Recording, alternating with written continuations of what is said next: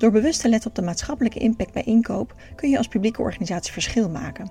Zo kun je bijvoorbeeld veel betekenen voor lokale ondernemers die het momenteel zwaar hebben door de coronacrisis. Je hebt natuurlijk een voorbeeldfunctie als publieke organisatie, maar je hebt ook juridische verplichtingen waar je aan moet houden bij de inkoop. Wat is er dan mogelijk als je wilt inkopen met maatschappelijke impact en hoe doe je dat?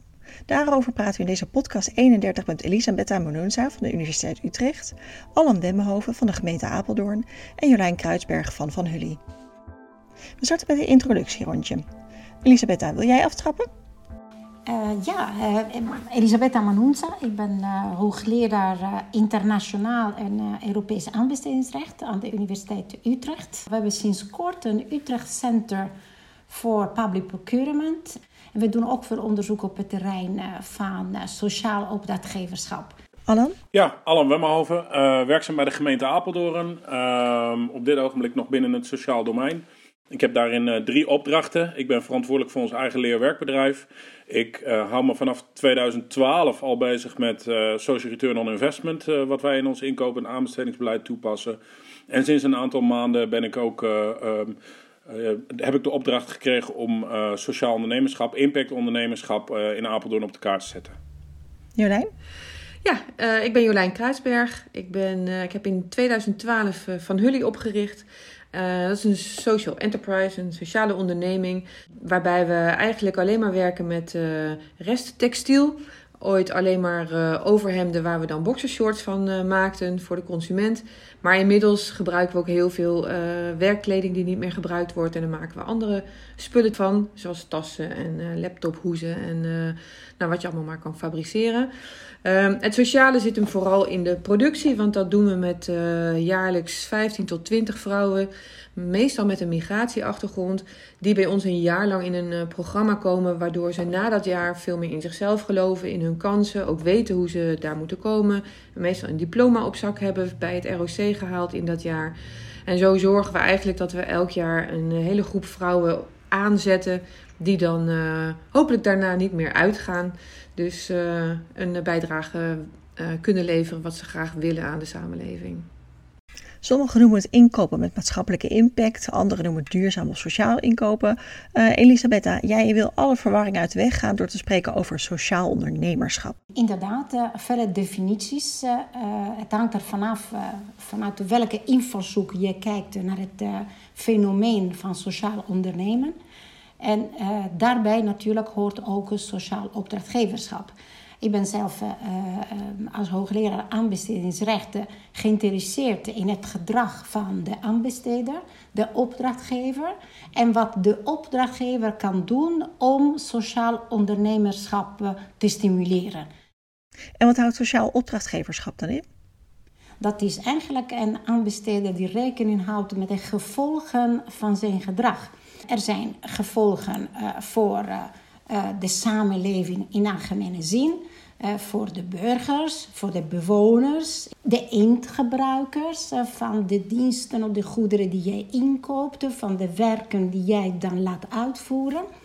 Maar die ook rekening houden met wie is die opdrachtnemer. Dan niet alleen het bedrijf aan zich, maar ook de werknemers bij die bedrijven, de rechtsposities, de organisatie. En natuurlijk moet zo'n aanbesteder ook rekening houden met de, de eigen organisatie. Want uiteindelijk koopt uh, een overheid in, dus niet alleen voor de samenleving, maar ook voor zichzelf. En al dat zou naar mijn mening aan bepaalde voorwaarden dienen te voldoen. Dus ik zou blij zijn als wij langzamerhand niet eens meer van sociaal opdrachtgeverschap gaan spreken, maar van goed opdrachtgeverschap. Ja, je, kunt dus wel allemaal mooie termen bedenken, maar het gaat jou erom dat opdrachtgevers aan de voorkant al nadenken over de impact die ze maken met hun inkoopgedrag. Precies, ik vind dat die terminologie ons bemoeilijkt in het denken. En daar uh, zouden we daar vanaf moeten stappen. We moeten richten in een samenleving waar dit een reflex wordt wat uh, normaal plaatsvindt. Een normaal reflex wat iedereen in acht moet nemen. En dat, zou, dat is eigenlijk mijn ideaal waar ik naartoe strijf. Naar zo'n samenleving, ja. Ja. Ja, nu is uh, Apeldoorn al sinds 2012 bezig met Social Return on Investment, een van die deelgebieden. Uh, Alan, wat moet ik me daarbij voorstellen? Wat doet de gemeente? Nou, dat betekent dat we, dat we als gemeente Apeldoorn uh, sociale voorwaarden stellen in ons inkoop- en aanbestedingsbeleid. En dat betekent dat we in principe uh, alleen boven de Europese drempel uh, passen wij social return on investment toe.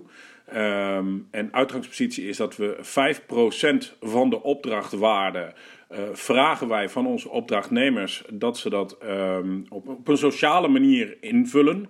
En daarmee, daarbij kennen we een prioritering van uh, in eerste instantie arbeidsparticipatie. Dus we willen eigenlijk het liefst dat onze opdrachtnemers mensen met een kwetsbare arbeidsmarktpositie uh, aannemen in hun bedrijf. En de tweede mogelijkheid is sociale inkoop. Dus zij kunnen bij een erkende sociale ondernemer uh, kunnen zij een inkoop doen en uh, de, de factuur daarvan mogen ze opvoeren als een social return uh, invulling. En dan kennen we nog een derde en dat is deelname aan maatschappelijke activiteiten. En dan trekken we hem heel erg lokaal, want we kennen in Apeldoorn een, een crowdfundingsplatform en dat heet Voor Apeldoorn. En daar staan allemaal burger- en maatschappelijke activiteiten staan daarop. En daar kan een opdrachtnemer met een maximaal bedrag kan hij dus zeggen van nou, ik wil of materiaal leveren, of ik lever mensen, of ik wil een donatie doen. En dat kan ook als uh, social return invulling uh, opgeboekt worden. En uh, dat doen we niet, hebben we niet helemaal zelf bedacht. dat is natuurlijk een proces wat in de afgelopen jaren zich doorontwikkeld heeft. En wat het mooie ervan is, is dat wij op een gegeven moment steeds meer met onze naburige gemeenten in gesprek zijn gegaan. we kregen van onze opdrachtnemers te horen van, goh, hartstikke leuk, maar iedereen heeft andere spelregels. Um, misschien moeten we eens gaan kijken of we dat meer op één lijn kunnen krijgen. Dus, uh, en, en, zo is eigenlijk het balletje in Oost-Nederland. We hebben ons uh, gekscherend het Oostblok genoemd in eerste instantie. Maar is het zo gaan rollen dat um, uh, zowel de provincies Overijssel als Gelderland en 70 daarbinnen vallende gemeenten nu afgesproken hebben in een convenant dat we allemaal dezelfde waarden gebruiken zeg maar, in onze bouwblokkenmethode. De menukaart die een opdrachtnemer krijgt waarin hij kan zien van zo kan ik mijn sociale verplichtingen invullen. Elisabetta, jij wil reageren? Ja, e-, eigenlijk, uh, ik vind het fantastisch wat jullie doen. Uh, wel was ik verbaasd over het feit dat jij spreekt, uh, wij doen het alleen boven de Europese drempels. En ik was benieuwd, waarom dan juist niet onder de drempels? Allan, voordat je reageert, is het handig voor de luisteraar te weten dat alle overheden binnen de Europese Unie bij opdrachten boven een bepaald bedrag een Europese aanbesteding moeten uitschrijven. En bij diensten en leveringen gaat het dan bijvoorbeeld om een opdracht boven de 2 ton ongeveer. Ja, daar heb je veel vrijheid als overheid. En, en dit is niet onbelangrijk, maar juist heel belangrijk. In Nederland, de meeste overheidsopdrachten betreffen juist dat segment van de kleine opdrachten. Dus bijna twee derde van onze aanbestedingen jaarlijks betreffen hele kleine bedragen. In aanvulling op wat Elisabetta zegt, denk ik dat het niet alleen aan de opdrachtenkant interessant is, maar juist dat ook veel kleine opdrachtnemers uh, er baat bij zouden hebben om daaronder uh, uh, een speciale positie te hebben, omdat zij juist in impact veel kunnen doen, maar nog niet in elk geval in dat soort volumes. En dat spreek voor mezelf, maar natuurlijk voor heel veel andere sociaal ondernemers. Alan. Het antwoord is eigenlijk heel simpel. Uh, op het moment dat wij op alle aanbestedingen uh, sociale componenten toe zouden passen, betekent dat ook heel wat voor ons ambtenarenapparaat. Dat is heel flauw, maar dan moeten we ook gewoon veel meer inzet hebben. Want je moet wel in het kader van goed opdrachtgeverschap en contractmanagement, moet je ook zorgen dat op het moment dat je die voorwaarden stelt, dat je ook gezorgd wordt dat die voorwaarden ook nagekomen worden.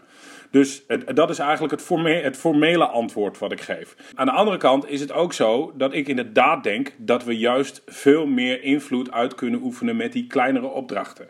Zowel sociaal invloed uit kunnen oefenen, maar ook lokaal uit, invloed uit kunnen oefenen. want we willen natuurlijk het liefst ook onze lokale maatschappelijk-sociale partners heel erg helpen om een markt te krijgen um, om uh, impact te kunnen maken. Dus ik, ik ben het helemaal met beide dames eens dat ik denk dat daar veel kansen liggen. Um, ik zie het ook als ambities. Um, wat ik net zei toen ik mezelf voorstelde, ik ben verantwoordelijk voor de social return. Um, de social return hebben wij echt gekoppeld aan de Europese aanbestedingen. Um, in het convenant, wat ik noemde, hebben we daar ook geen afspraken over gemaakt dat dat gekoppeld is aan het lokale beleid. Andere gemeentes kunnen andere keuzes maken. Kleinere gemeentes kunnen namelijk, die hebben bijna geen Europese aanbestedingen. Dus die moeten het juist hebben als ze impact willen maken van die kleinere aanbestedingen.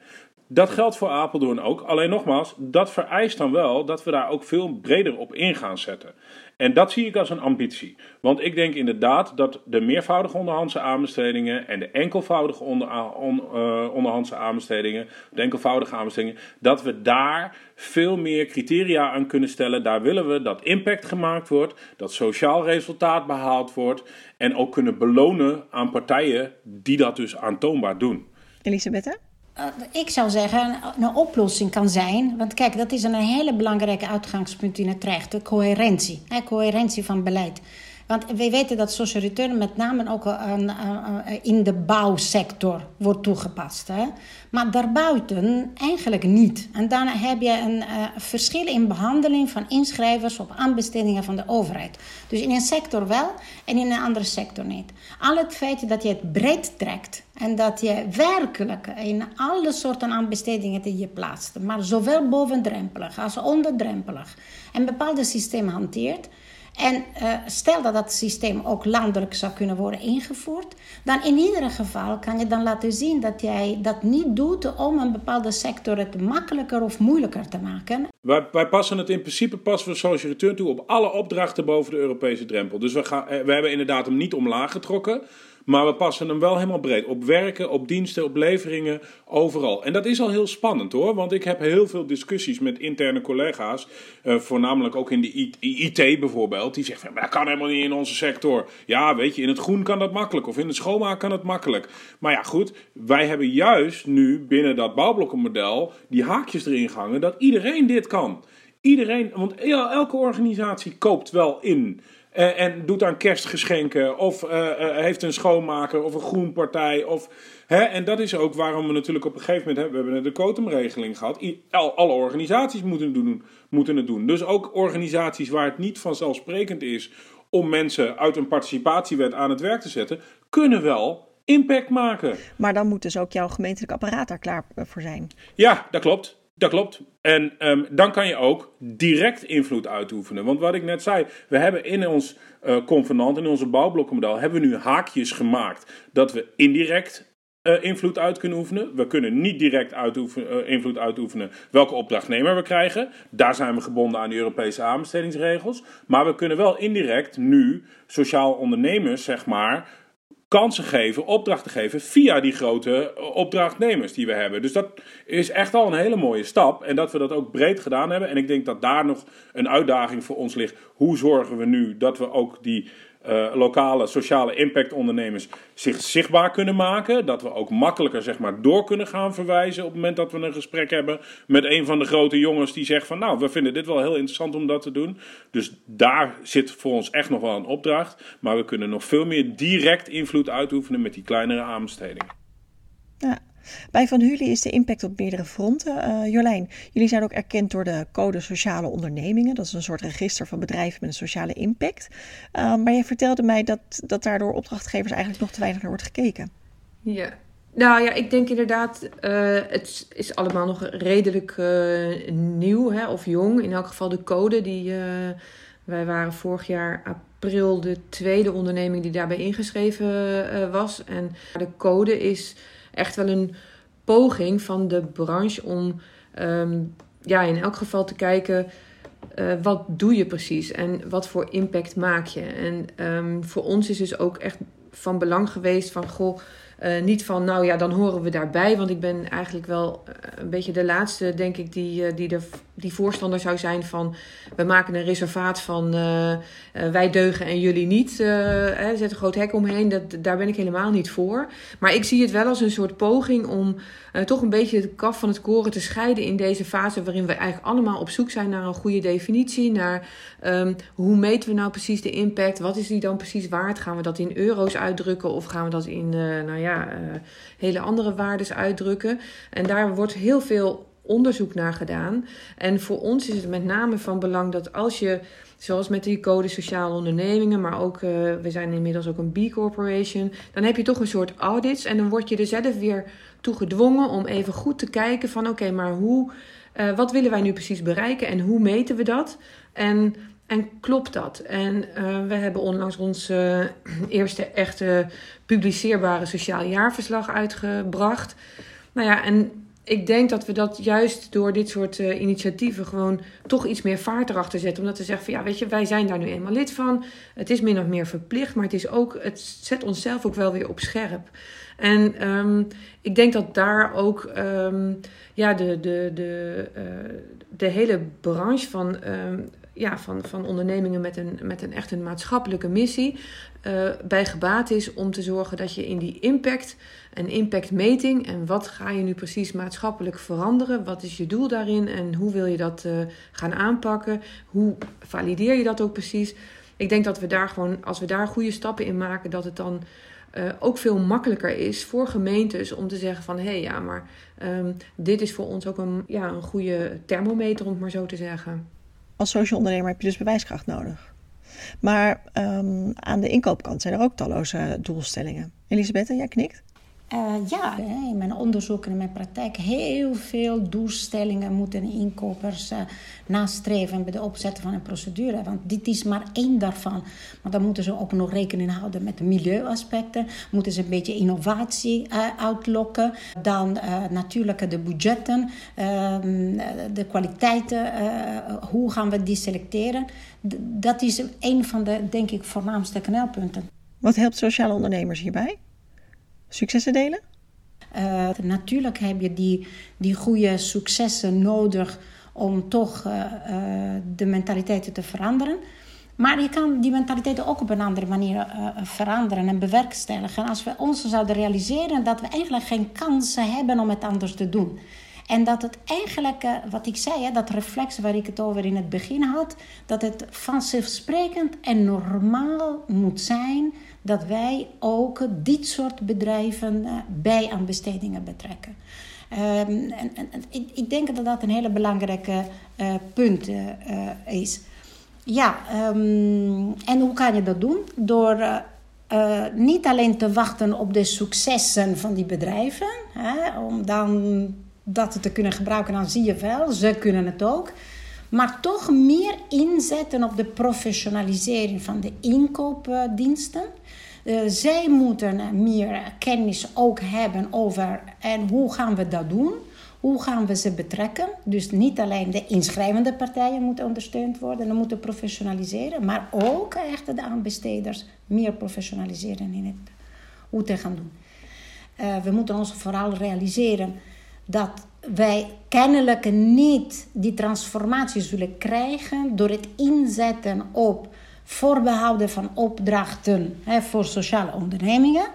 Want dat zullen vele gemeentes dus niet doen. Net omdat je toch iets moet inkopen en daar moet je kwaliteit voor krijgen. En dan wil je niet in die sector zoeken, maar je wil liever in de meer commerciële sector zoeken. En ik denk dat het belangrijkste om te doen is uh, om uh, ja, slimmer te gaan inkopen en meer de markt te uitdagen en zelf het belang te laten inzien van de sociaal engagement in het, uh, in het proces. Jolijn, jij bent dan de markt? Ja. Eens?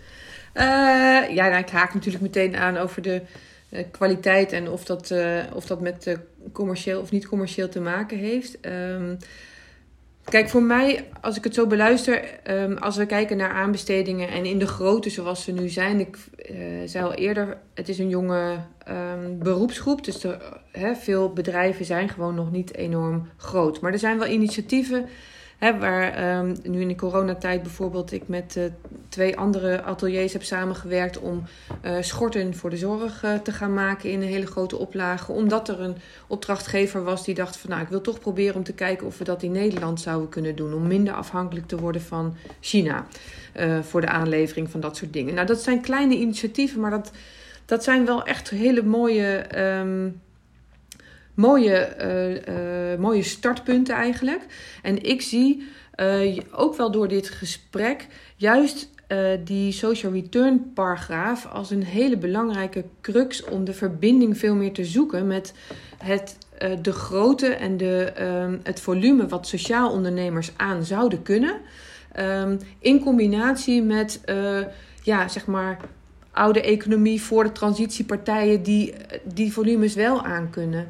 En als het dan gaat over dat hè, kunnen participeren op de arbeidsmarkt, uh, hè, dan, dan ben je echt nog heel erg met de, met de participatiewet bezig, maar juist die omslag maken naar sociaal ondernemers. Wat kunnen ze precies? Wat kunnen ze bieden?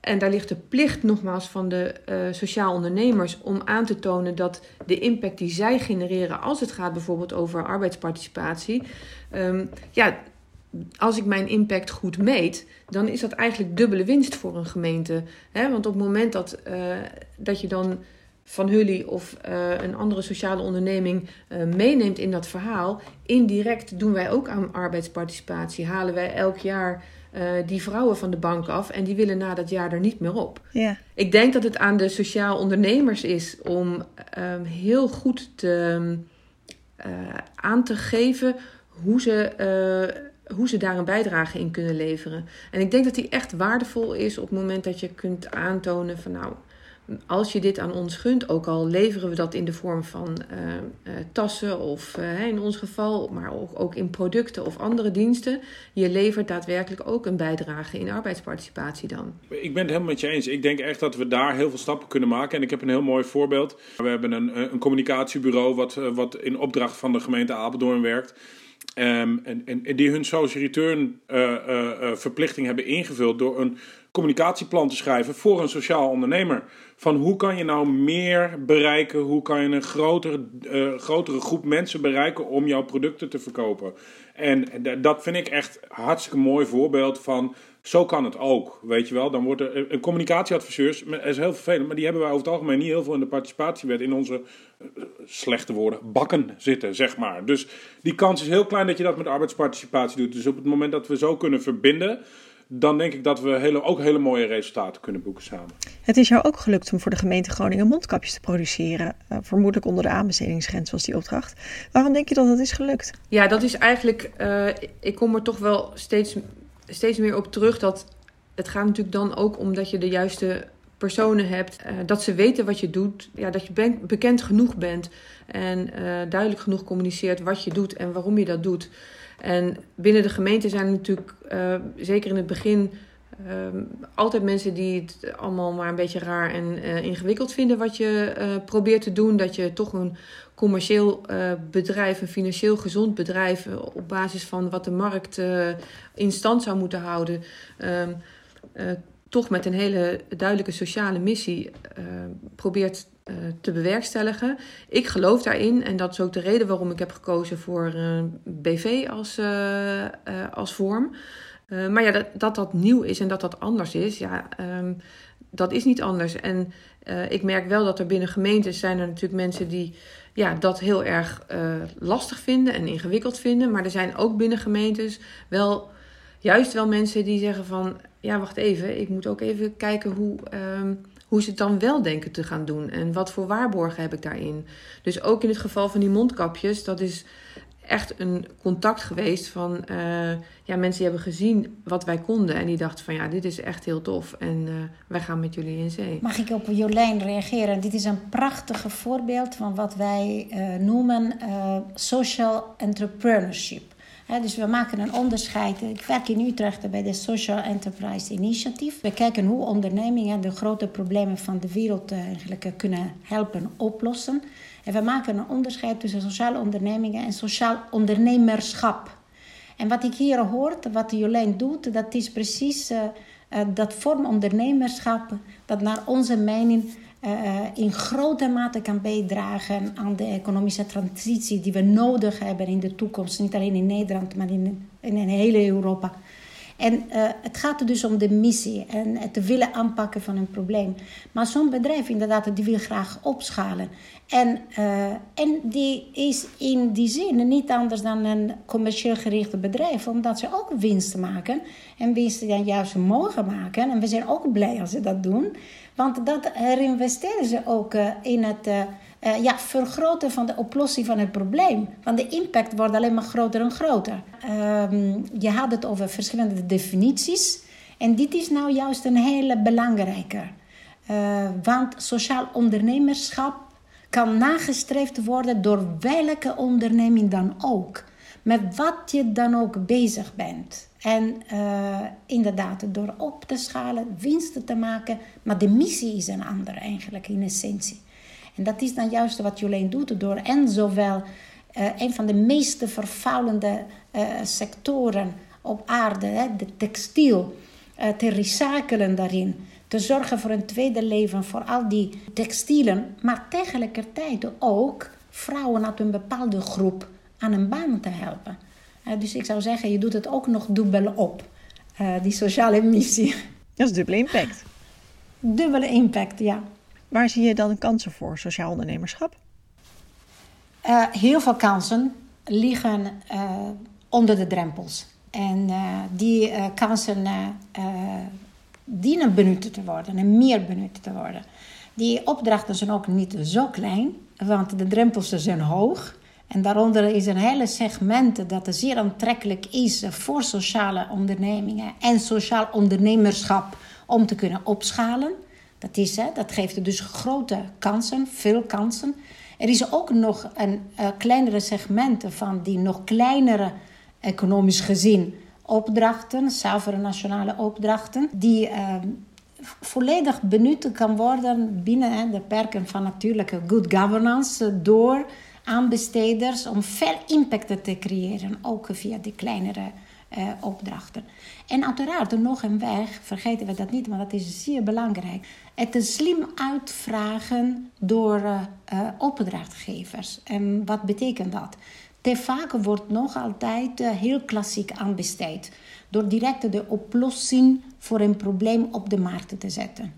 En in plaats daarvan, ik zou aanbesteders willen uitnodigen om Ehm, het probleem op de markt te zetten en de oplossing laten aan inschrijvende partijen. Heb je daar een voorbeeld van? Ja, een hele goede voorbeeld is uh, uh, van een gemeente die met een probleem geconfronteerd werd. Het bevuilen van uh, bijvoorbeeld het, ehm, ruimtes op een station dat door andere jongeren regelmatig werden beschilderd met graffiti.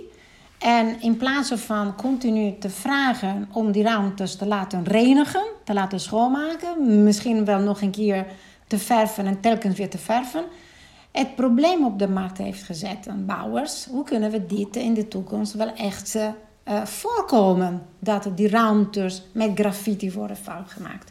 En toen een uh, hele slimme bouwers uh, heeft als oplossing bedacht: laten we het betegelen met tegels die wij door jonge kinderen op een school laten versieren. Want het lijkt dat aan jongeren dat soort graffiti van kleine kinderen op een lagere school meer respecteren. En dan ook minder zullen bevuilen. Wat ook uiteindelijk het resultaat lijkt te zijn. Dus zo zie je dat door de slimme vraag ook een slimme oplossing kwam. Ja, en een duurzame oplossing ook nog. Allen, jij had het net over successen delen. Welke, welke andere tips heb jij? Um, podium creëren. Ik denk dat dat heel belangrijk is. Uh, we zijn allemaal bezig met, en daar zijn, zouden ook meer in samen moeten werken, in websites creëren waar uh, deze ondernemers op kunnen komen te staan. Om het ook makkelijker te maken, om ze vindbaarder te maken. Um, ik denk dat dat één is. En aan de andere kant merk ik ook, en, en dat is een iets andere richting, maar dat er heel veel jonge ondernemers zijn of mensen met goede ideeën, die juist misschien geholpen moeten worden om daar een goede business case onder te leggen en een goed bedrijf te worden. En ik denk dat dat een tweede stukje is in die ontwikkeling, zeg maar, waarin we ook mogelijk als overheid, maar ook misschien ondernemingen zoals Van Hullies, die natuurlijk al een heleboel mooie stappen gemaakt hebben. Hoe kunnen we deze mensen nou helpen om ook daarin breder, een, een breder palet te gaan krijgen van dit soort mooie ondernemingen? Ja, dus volwaardige ondernemers worden. Ben je het daarmee eens, Arlijn? Ik uh, organiseer uh, vaak omdat mensen dan met mij willen spreken over hoe ik uh, het opgebouwd heb en hoe het uh, bedrijf in elkaar steekt. Wel beginnen veel startende uh, sociaal ondernemers. En dan valt mij wel op soms dat het er iets te makkelijk gedaan wordt over dat de gemeente zo ingewikkeld doet. Dan komen ze dus met een verhaal van ja, en ik heb dit plan en ehm, dan wil ik dit maatschappelijk probleem oplossen. En dan kom ik bij de gemeente en die zijn dan niet laaiend enthousiast en dan krijg ik geen pand en mensen en dat soort zaken. En wat ik nog wel eens mis, en dat uh, ja, vind ik dat uh, je bent niet voor niks ondernemer. Of je nou een sociaal ondernemer bent of niet, maar je bent een ondernemer. Dat betekent dat je ook wakker mag liggen van uh, dat je het misschien niet gaat halen met je onderneming. En um, dat je risico's moet nemen, dat je lef moet hebben. En dat is wat mij betreft ondernemerschap. Ik vind dat de dat de branche daarin ook wel echt volwassen moet, moet worden. Uh, omdat, ja, weet je, als het slecht gaat, dan krijg ik ook een keer een maand geen salaris, bij wijze van spreken. En dat moet je allemaal wel durven. En op het moment dat je alleen maar op weg bent naar zekerheden als sociaal ondernemer, dan denk ik dat je gewoon op de stoel van uh, de gemeenteambtenaar moet gaan zitten. Want dan ben je niet echt een ondernemer. Dat is flauw gezegd, maar zo geloof ik er ook echt in. En uh, ik denk dat we alleen maar als we serieus genomen worden, willen worden als branche, dat we daar echt op in moeten zetten. En dat start echt nogmaals met wat is dan je impact en wat wil je dan, uh, hoe wil je dat gaan veranderen als ondernemer? En niet als oplosser van gemeentelijke problemen. Want dat is het niet. Hè? Je moet er echt ondernemerschap in gooien. En vanuit de publieke organisaties zou ik zeggen van ja. Uh, wees ook blij van al die creativiteit die die uh, ondernemers allemaal tentoonspreiden. Want daar zitten soms wel parels tussen. Met modellen waar je zelf helemaal niet aan gedacht had. En dat is ook helemaal niet erg. Maar daar moet je als gemeente of uh, overheid wel echt voor openstaan. Want dat, daar zitten zulke ontzettend mooie gedachten en concepten achter. Die in vrijheid van ondernemerschap zijn bedacht. En uh, ik zou heel graag willen dat daar uh, echt met open vizier naar gekeken wordt. En dat daar ook echt wordt gekeken, niet alleen van wat beperkt het in de regelgeving, maar waar liggen dan wel de kansen. zijn ondernemers met een maatschappelijke missie dan ook wat creatiever? Ja, nou ja, wat Kees Klomp uh, al een keer zei van ja, dat zijn wel een beetje de topsporters. Ik denk dat dat wel zo is. Je hebt gewoon, het is gewoon een ongelooflijk ingewikkelde balans. Kijk, ik denk altijd van als dit niet lukt, dan kan ik altijd nog gewoon ondernemer worden. Want want het is zo ingewikkeld om het te combineren. Want je missie is zo altijd in je face aanwezig. Zeker bij ons op het atelier natuurlijk, waar die vrouwen ook nog eens rondlopen. Maar het zijn allemaal hele gepassioneerde mensen over het algemeen. Die echt geloven in iets wat ze tot stand willen brengen. En dat maakt het wel ingewikkeld om het dan ook dat zakelijke en dat financieel gezonde in de gaten te blijven houden. En dat maakt het wel inderdaad wel topsport, maar wel het allermooiste wat ik ooit gedaan heb hoor. Platform 31.